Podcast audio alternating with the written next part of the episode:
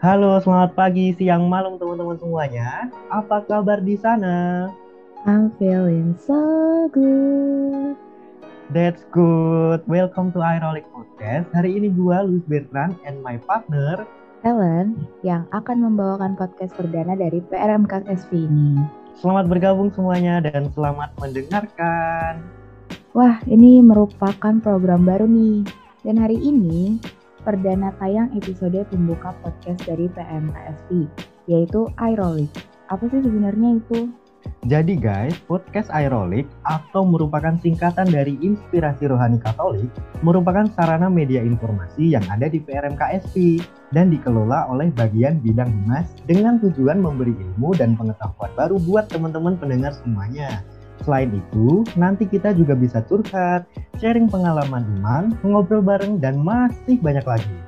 Karena ini episode pertama dan pembuka, jadi kalau ada salah-salah kata atau gimana mohon dimaklumi ya guys.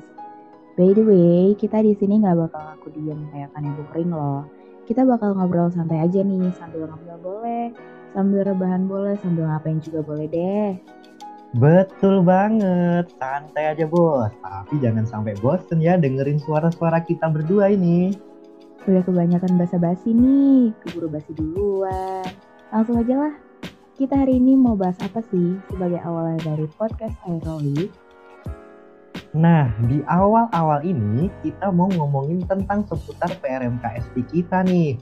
Pasti banyak teman-teman di luar kepengurusan yang masih awam banget tentang seluk-beluk dari PRMKSP. Wah, untuk awalan ini bahasanya cukup menarik ya. Dengar-dengar gak stuck kita kali ini, pembicaranya juga gak kalah menarik loh. Halo si abang tampanan gagah berani. Siapa sih dia? Dengar-dengar, orangnya cukup penting dan berpengaruh dalam kepengurusan PRMKSP yang sekarang. Ya udah, langsung aja nih kita panggil daripada kita penasaran dan bertanya-tanya. Ini dia Timotius Alfa selaku Ketua PRMK Sekolah Vokasi. Hai hai halo pendengar Aerolik di mana pun kalian berada Helen dan Luis apa kabar nih? Aduh baik banget Alfa. Baik dong kak. Mantap. Gimana? Alfa gimana? gimana nih? Kabar hari ini gimana? Ya baiklah semua em, masih sibuk nugas-nugas dan proker-proker rada bikin pusing aja ini. Aduh emang derita para mahasiswa dan organisator tuh ya. Ah pastinya kalau begitu mah. Oke, Kak Alfa, silakan untuk memperkenalkan diri terlebih dahulu ya. Buat teman-teman, biar tahu nih siapa sih Kak Alfa itu dan yang belum kenal biar pada tahu. Silakan Kak. Oke, aku kenalan aja langsung nih ya. Eh, halo, selamat pagi, siang, sore atau malam pendengar dari Aerolik. Perkenalkan namaku Timotius Alfa Krisdianto, biasa dipanggil Alfa dari jurusan D4 Informasi dan Hubungan Masyarakat angkatan 2019 dan puji Tuhannya eh, masih sampai saat ini diamanahi menjadi pembantu dari PRMK Sekolah Vokasi. Oke mantep banget tuh ya dari Alfa nih. Gue start kita pada hari ini. Nah oke kenalan kita udah. Tahu kabar kita juga udah. Sekarang kita langsung tus aja nanya-nanya nih. Oke, Alfa udah siap ya? Siap dong, langsung aja. Langsung aja pertanyaan pertama. Apa sih PRMKSP itu? Wow, apa sih PRMKSP? Ini langsung aku jawab aja ya. Oke. Em, PRMK itu kan eh, kepanjangan dari Pelayanan Remaja Mahasiswa Katolik dari Sekolah Vokasi dan ini merupakan UPK khusus, unit pelaksana kegiatan khusus dari Sekolah Vokasi yang berfungsi untuk menaungi seluruh mahasiswa mahasiswi Katolik di Sekolah Vokasi.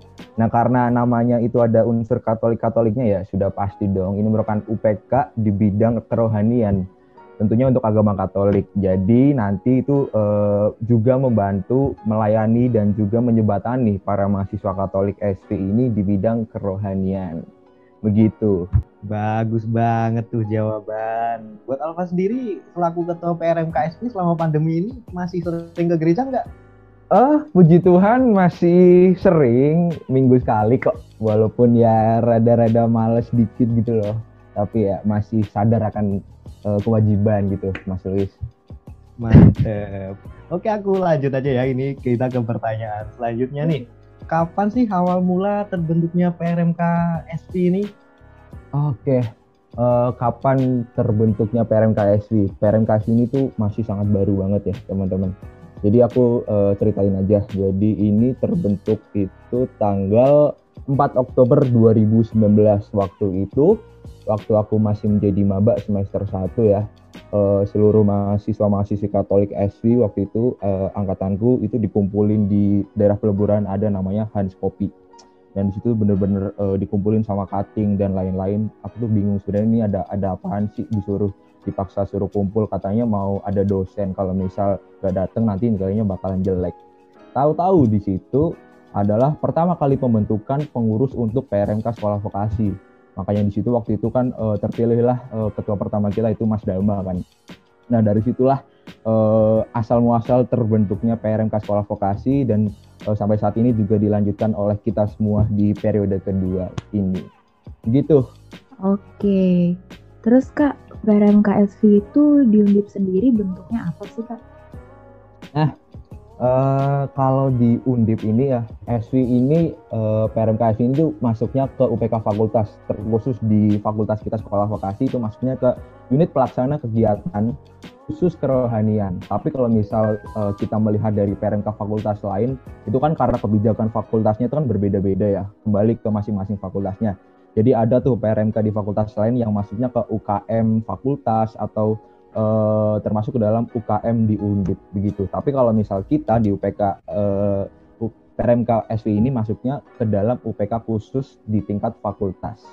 Nah, tadi kan Alfa juga udah bilang kalau PRMK SV ini awal terbentuknya saat Alfa masih maba, saat masih awal-awal masuk kuliah tuh. Artinya kan di tahun 2019.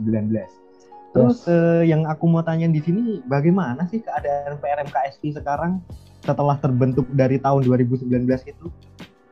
Oke, ya puji Tuhan banget ya. Ini aku juga mendengar juga dari beberapa penilaian dari teman-teman pengurus yang lama, terutama yang saat ini sudah menjalani dua periode satu dan juga periode sekarang.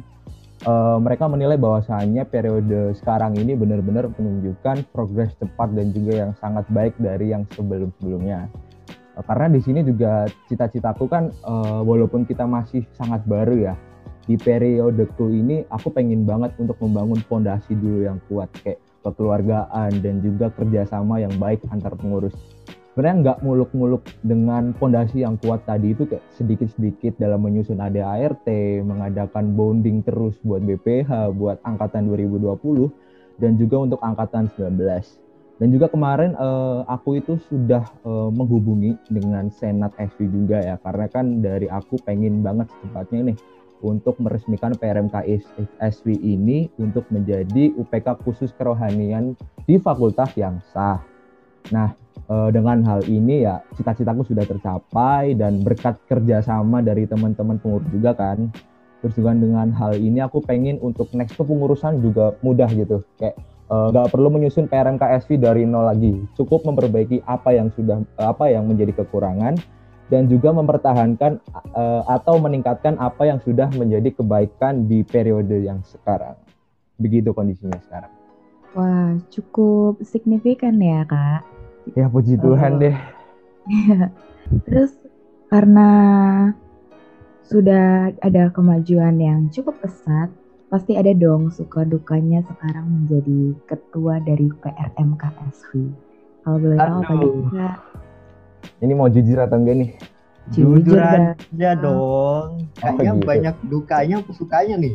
Ah, uh, enggak dong. Kalau jujur nih ya, ini jujur banget nih. Uh, kalau dari aku sendiri aku nggak punya duka. Karena kenapa? Karena uh, selama aku menjabat menjadi ketua itu aku enjoy. Menjadi ketua itu aku nggak pernah terbebani.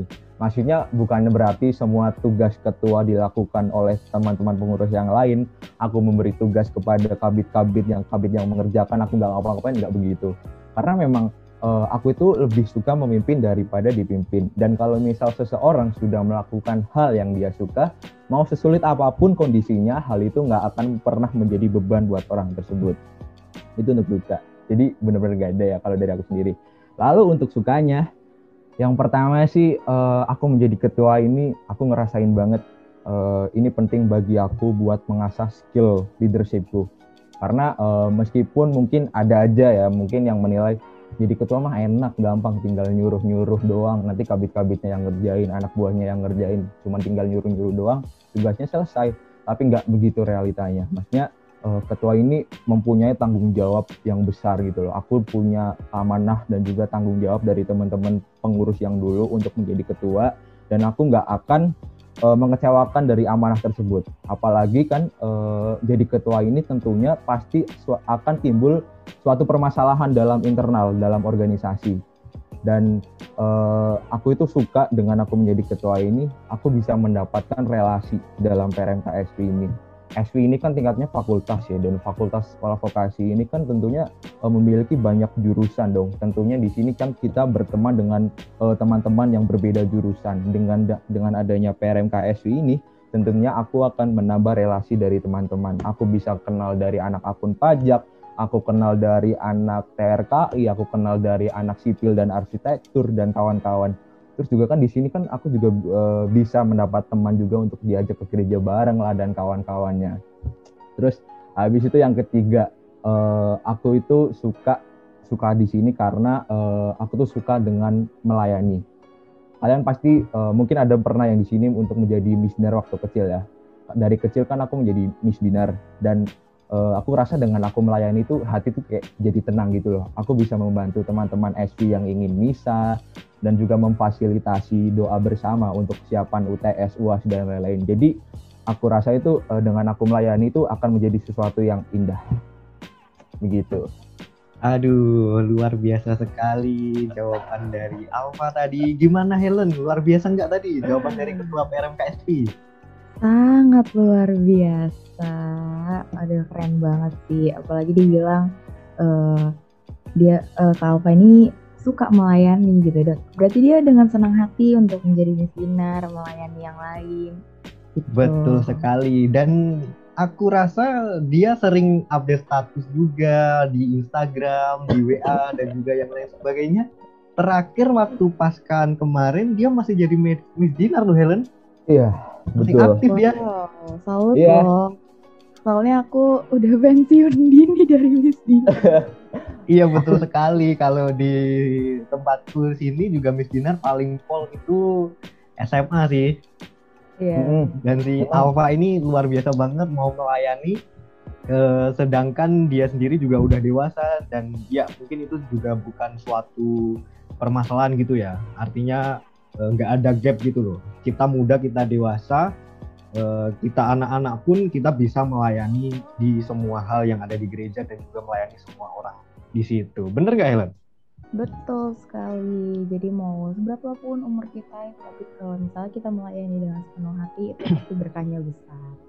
Betul. Betul banget. Dan buat teman-teman pendengar Aerolik, tadi sebenarnya Alfa juga sudah menyampaikan banyak hal tuh. Uh, mulai dari suka dukanya dan di situ kalau kalian mendengarkan dengan cermat banyak sekali motivasi-motivasi ataupun hal-hal yang bisa kita tiru. Mungkin dari teman-teman pendengar ada yang saat ini sedang bergabung dengan organisasi yang masih pusing-pusing yang masih ya stres mau nangis aja lah mau nikah aja lah. Itu tadi sebuah motivasi yang berharga dari Alfa dan oke, okay, selanjutnya kita uh, langsung aja ke pertanyaan nih Alfa karena tadi juga udah panjang lebar banget dan juga udah bagus banget sih kalau menurutku dari Helen juga udah luar biasa banget. Uh, karena Alfa ini termasuk di PRM KSP menjabat ketua kan belum lama nih dan periodenya juga baru aja berjalan. Untuk sistem pengrekrutan anggota, apakah ada seleksi khusus sih di PRMKSP ini? Dan untuk struktur organisasi yang ada di PRMKSP itu apa aja sih?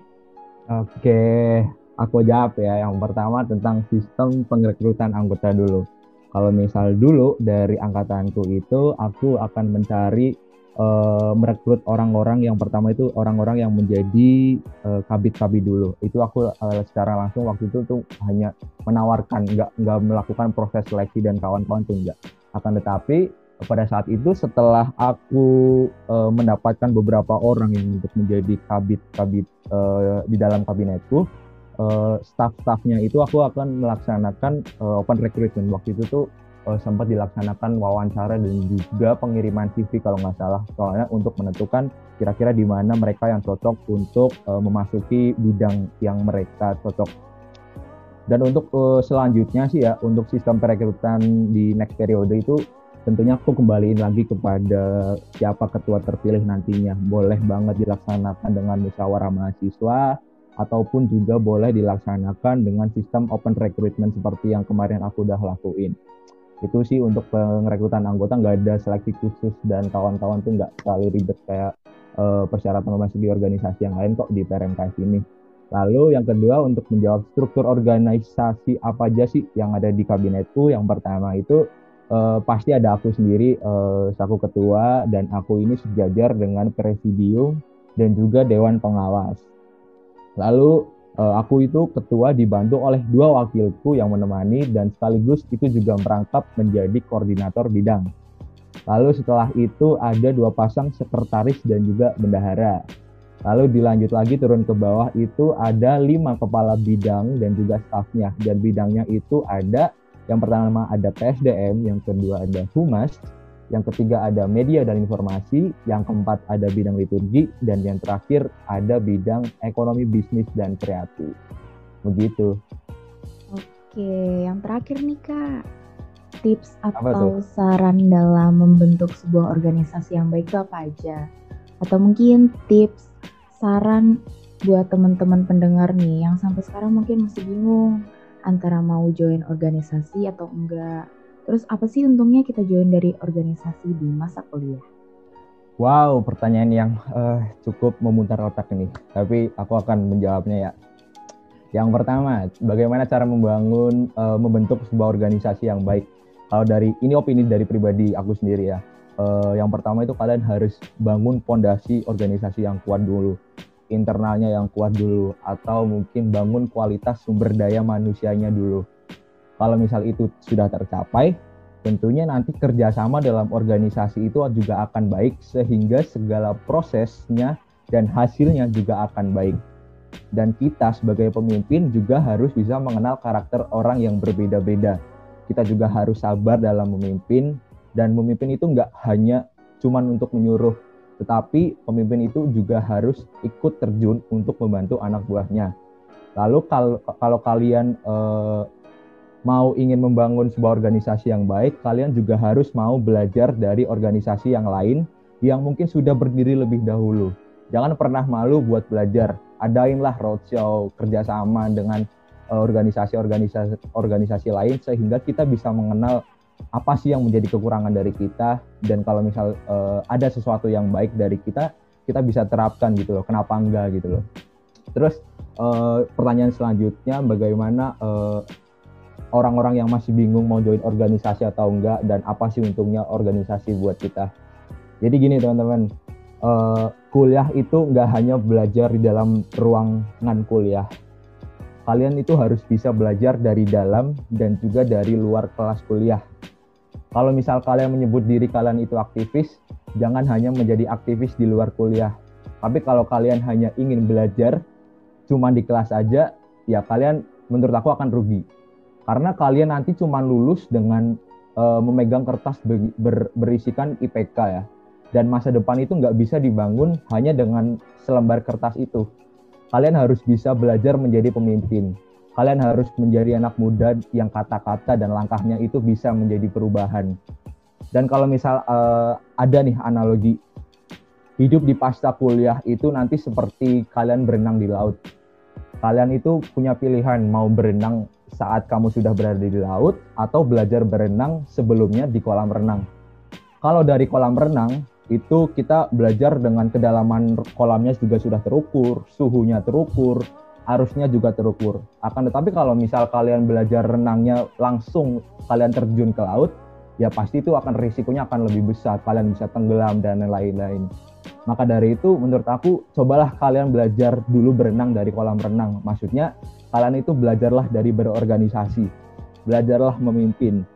Eh, bagian menjadi masyarakat ketika kuliah, kalian harus bisa menjadi bagian tersebut mereka yang bisa berpengaruh dan bisa memberi kemajuan adalah orang-orang yang masa mudanya tidak hanya menghabiskan waktu di dalam kelas, akan tetapi juga di luar kelas. Maka dari itu jadilah pegiat, jadilah anak-anak yang aktif dalam organisasi. Lalu yang terakhir, eh, IP yang tinggi itu hanya akan mengantarkan Anda pada panggilan wawancara. Akan tetapi kepemimpinan, kemampuan komunikasi, analytical thinking itu akan mengantarkan Anda ke masa depan. Jadi silahkan teman-teman yang mungkin uh, punya cita-cita mengejar IP yang tinggi, nggak masalah, itu nggak salah kok. Kalian mau punya IPK 4,0, 3,5, 3,25, 3,25 itu terserah masing-masing. Akan tapi menurut aku eh, mengembangkan skill di organisasi itu juga sangat penting. Kalian itu harus bisa mengimbangi dua tersebut gitu loh. Karena ilmu yang di organisasi itu nggak semua kalian dapetin di dalam pembelajaran akademik. Jadi semangat guys. Itu dari aku. Gila, gila, gila, gila. Ini luar luar biasa banget sih ini. Sebuah motivasi, sebuah saran dari Alfa selaku ketua PRMKSP. Kalau menurut Helen gimana tadi? Apa yang udah dipaparin Alfa gimana? Keren banget sih kata-kata itu. Wah, gitulah. Udah. Apa tadi? Apalagi udah okay tadi ini lah. ya yang yang aku garis bawahi dari pendapat Alfa itu ya uh, kalau kita kuliah itu ya boleh-boleh aja kita mengejar akademik ataupun hanya fokus kepada kuliah kita tetapi bisa diingat bahwa kepemimpinan bahwa pembelajaran bahwa ilmu-ilmu di luar dari bidang akademik kita di kuliah itu sangat-sangat banyak sekali dan kita bisa memperoleh ilmu serta pengalaman-pengalaman baru di luar dari kuliah kita. Dan tadi juga ini Helen ada apa itu analoginya itu loh, analoginya luar biasa banget ya tuh. Wah keren banget sih itu tuh aduh. Bisa dapat kata-kata dari mana kak? Dari iya mendengarkan orang-orang hebat berbicara. Betul. Oh. wah luar biasa. Karena kita belajar itu ya dari mendengarkan orang lain dari bergaul dengan orang lain ilmu-ilmu itu biasanya kita dapat. Dan bahkan eh, ilmu itu biasanya kita dapat ketika kita mau untuk mengenal sosok baru di sekitar kita. Seperti iya. itu sih kalau aku tangkap. Betul banget betul sih, Kak. Betul banget. Nah, oke okay nih Helen dan juga Alfa serta teman-teman pendengar dari podcast Airoli. Gak kerasa nih kita tanya-tanya jawabnya, kita ngobrol dengan Alfa ternyata udah di penghujung aja nih. Uh, dan aku sama Helen tentunya mau mengucapkan terima kasih banyak untuk waktunya Alfa. Oke, terima kasih banyak sukses selalu selama menjabat sebagai Ketua PRMKSP. Semoga nanti bisa memimpin dan mengayomi uh, para para pengurus lainnya yang berada di PRMK sekolah vokasi itu. Jaga kesehatan selalu dan tentunya kita masih dalam situasi pandemi ini. Semoga selalu diberi uh, kesehatan dan juga selalu diberi iman yang kuat untuk kita bisa memuliakan Tuhan setiap harinya. Amin. Nah guys, mantep banget nih obrolan kali ini. Benar-benar menarik banget. Apalagi pembicara kita juga asik banget ya. Walaupun dia ketua, tapi nggak kaku-kaku banget lah ya guys. Bener banget tuh. Ini menggambarkan sosok Alfa yang selalu bisa ber gaul dengan teman-teman yang lainnya. Makanya dia nggak kaku-kaku banget nih ngobrol sama kita berdua di sini. Oke guys, udah cukup lama nih ya sepertinya obrolan pertama kita sebagai pembuka podcast Aerolik pada kali ini. Udah kebanyakan ngomong juga ya, ini sebenarnya capek tapi puji Tuhan kita dapat ilmu-ilmu dan juga uh, obrolan-obrolan yang sangat bermanfaat dari Alfat sendiri tentunya Mudah-mudahan ilmu dan informasinya bisa sampai semua ke kalian para pendengar podcast Aerolik ini ya guys. Oke okay guys, terima kasih atas perhatiannya. Gue Helen and my partner. Gue Luis Bertrand. Kami berdua pamit undur diri. Mohon maaf bila ada salah kata. Aerolik pamit. See you next part. Dadah semuanya. Bye bye. Tunggu episode selanjutnya. Okay, bye bye.